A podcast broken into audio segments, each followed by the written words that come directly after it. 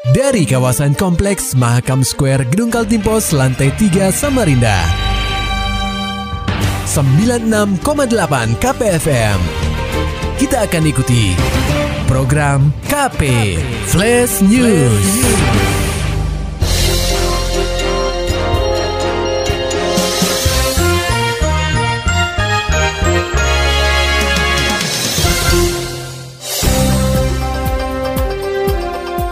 Anda sedang menyimak program KP Flash News bersama saya Agung Pratama.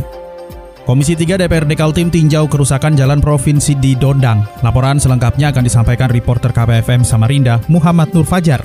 Komisi 3 DPRD Kaltim melakukan peninjauan ke jalan poros yang menghubungkan Kecamatan Sanga-Sanga dan Kecamatan Muara Jawa yang sebelumnya terputus pada Selasa 6 Juni 2023. Putusnya jalan yang baru diperbaiki pada Oktober 2022 lalu ini diduga terjadi akibat adanya aktivitas tambang batubara tepat di sisi jalan. Ditemui sebelum melakukan peninjauan, Ketua Komisi 3 DPRD Kaltim, Ferry Diana Murakwang, menyampaikan bahwa kunjungan pihaknya ke lokasi jalan yang terputus ini dilakukan untuk melihat seberapa parah kerusakan jalan tersebut dan apakah ada keterkaitan dengan aktivitas pertambangan tepat di sisi jalan. Politisi PDIP ini tidak memungkiri bahwa pihaknya tidak bisa berbuat banyak setelah peraturan daerah atau perda tentang pengawasan pertambangan dicabut, sehingga Pemprov Kaltim tidak memiliki kewenangan penuh untuk melakukan pengawasan secara langsung.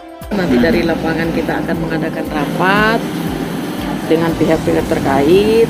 Kita ingin ingin mendapatkan informasi terus solusinya seperti apa Bu itu ada dana nggak Bu? Ada dana apa namanya darurat nggak untuk mengatasi hal itu? Apa masih menunggu anggaran selanjutnya? Nanti kita lihatlah. Tapi di PU ada Bu ya?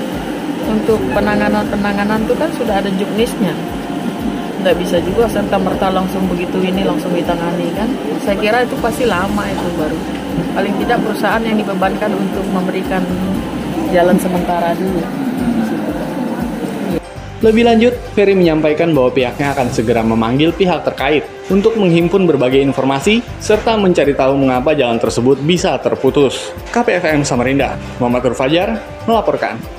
Pendengar KP Komisi Pemilihan Umum atau KPU Samarinda menjalin kerjasama dengan Polresta Samarinda berkaitan dengan pelaksanaan pengamanan saat pemilihan umum atau pemilu 2024 di Hotel Midtown Samarinda, Rabu 7 Juni 2023. Ditemui usai kegiatan, Ketua KPU Samarinda Firman Hidayat menerangkan bahwa kerjasama ini merupakan tahapan penting, mengingat KPU sangat memerlukan pihak keamanan dalam mengamankan pemilu.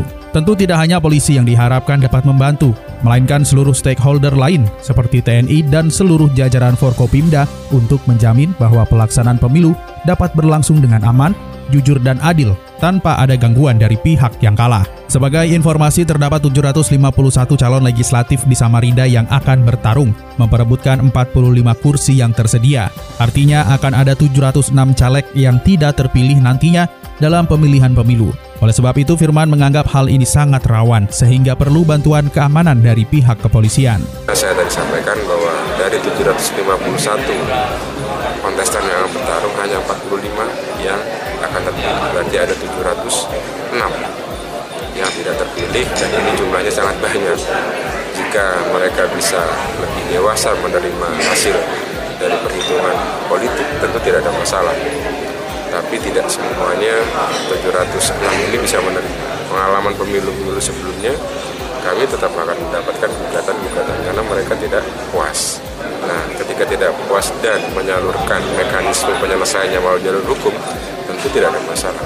Yang masalah ini adalah tidak terima, menuding dan bisa merusak fasilitas-fasilitas umum yang ada di kota Samarinda. Nah ini kalau sampai mengganggu tentang kenyamanan kota, keindahan kota, estetika kota, kan kita juga yang oleh karenanya kepolisian sebagai pihak keamanan bersama TNI dan Polri juga kami rangkul Sementara itu Kapolresta Samarinda Kombes Pol Arif Adli memaparkan bahwa pihaknya telah melakukan pemetaan terhadap seluruh TPS di kota tepian. Selanjutnya perwira melatih tiga ini akan berkoordinasi dengan KPU, KPPS, dan PPK untuk menentukan kategori TPS sesuai tingkat kerawanannya.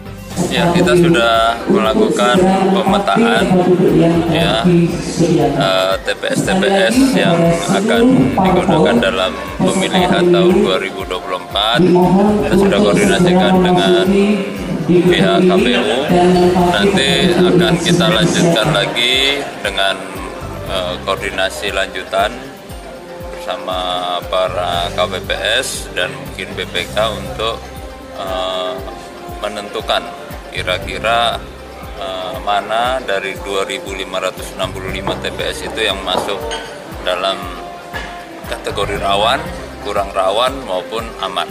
Sehingga dari uh, pembagian pengelompokan tiga kategori tersebut nanti kita akan uh, susun atau integrasikan dengan pola pengamanan yang sudah kita siapkan. Secara tegas, Sari menyampaikan Polresta Samarinda akan melakukan pengamanan mulai dari tahapan awal hingga tahapan akhir pemilu 2024. Hal ini dilakukan agar pelaksanaan pesta demokrasi ini bisa berjalan dengan aman tanpa ada gangguan yang berarti. Pendengar KP revitalisasi Gor Segiri, Pemkot bakal hadirkan driving golf. Laporan selengkapnya disampaikan reporter KPFM Samarinda, Maulani Alamin. Pemerintah Kota Samarinda bakal melakukan revitalisasi area Gor Segiri Upaya mempercantik bangunan yang berdiri sejak tahun 1970-an itu disampaikan Wali Kota Samarinda, Andi Harun. Salah satu fasilitas yang akan didirikan di Gor Segiri adalah arena golf. Menurutnya, golf merupakan olahraga yang digeluti oleh banyak pengusaha-pengusaha. Terlebih, ide pembangunan arena golf tersebut ditujukan untuk menyongsong hadirnya Ibu Kota Nusantara atau IKN di Kaltim. Akhir tahun insya Allah akan hadir di Gor sendiri uh, driving golf berkelas minimal nasional. Kira-kira seperti di driving golf yang ada di Pantai Indah Kapuk, Jakarta. Andi Harun menjelaskan, revitalisasi Gor Segiri akan dimulai dengan pengerjaan pagar, halaman parkir, dan gedung indoor. KPFM Samarinda, Maulani Al-Amin, melaporkan. Maulani Al-Amin, Muhammad Nur Fajar, KPFM Samarinda. Serta dapatkan berita-berita selengkapnya di www.968kpfm.co.id. Demikian tadi telah kita simak rangkaian berita-berita yang terangkum dalam program KP Flash News. Persembahan dari 96,8 KPFM. Terima kasih dan sampai jumpa.